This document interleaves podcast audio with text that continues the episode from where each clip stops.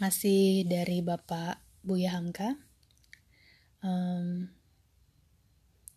mengutip dari Buya Hamka tentang bangkit dan bangun dari kemalasan.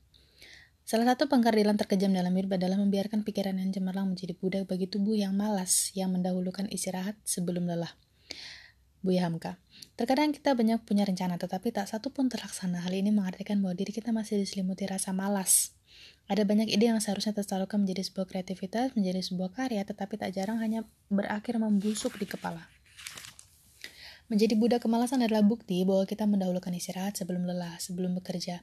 Lantas, mengapa kita tidak ingin merdeka di tubuh dan jiwa kita sendiri? Mengapa kita malas berdiri di atas kaki kita sendiri? Dua pertanyaan ini tentu harus terjawab, harus terselesaikan. Memang harus diakui bahwa sesuatu yang paling sulit ketika sedang mempunyai ide yang cemerlang adalah memulai. Kita takut memulai, padahal kita mengetahui bahwa sesuatu yang tidak akan pernah selesai jika tidak pernah dimulai. Apa pun itu. Maka inilah jawaban dari dua pertanyaan tadi. Pertama, mulai saja.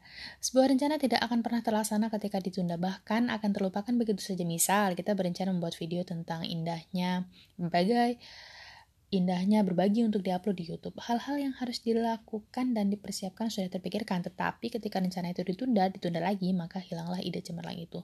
Karenanya mulai saja, lelah, istirahat. Jangan istirahat sebelum lelah, karena itu artinya kita malas.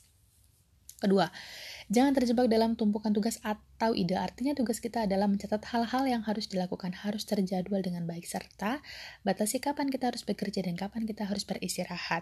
Supaya terlaksana dengan baik, jangan paksa tubuh kita bekerja di waktu istirahat, sebab hal itu akan mengganggu waktu kita pada saat waktu kerja.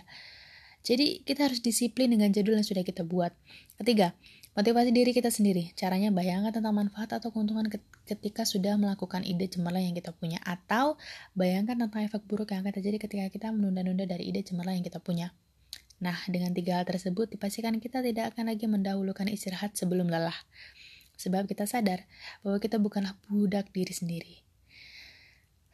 Dan sudah memang seharusnya kita keluar dari zona nyaman dan melakukan hal-hal yang bermanfaat.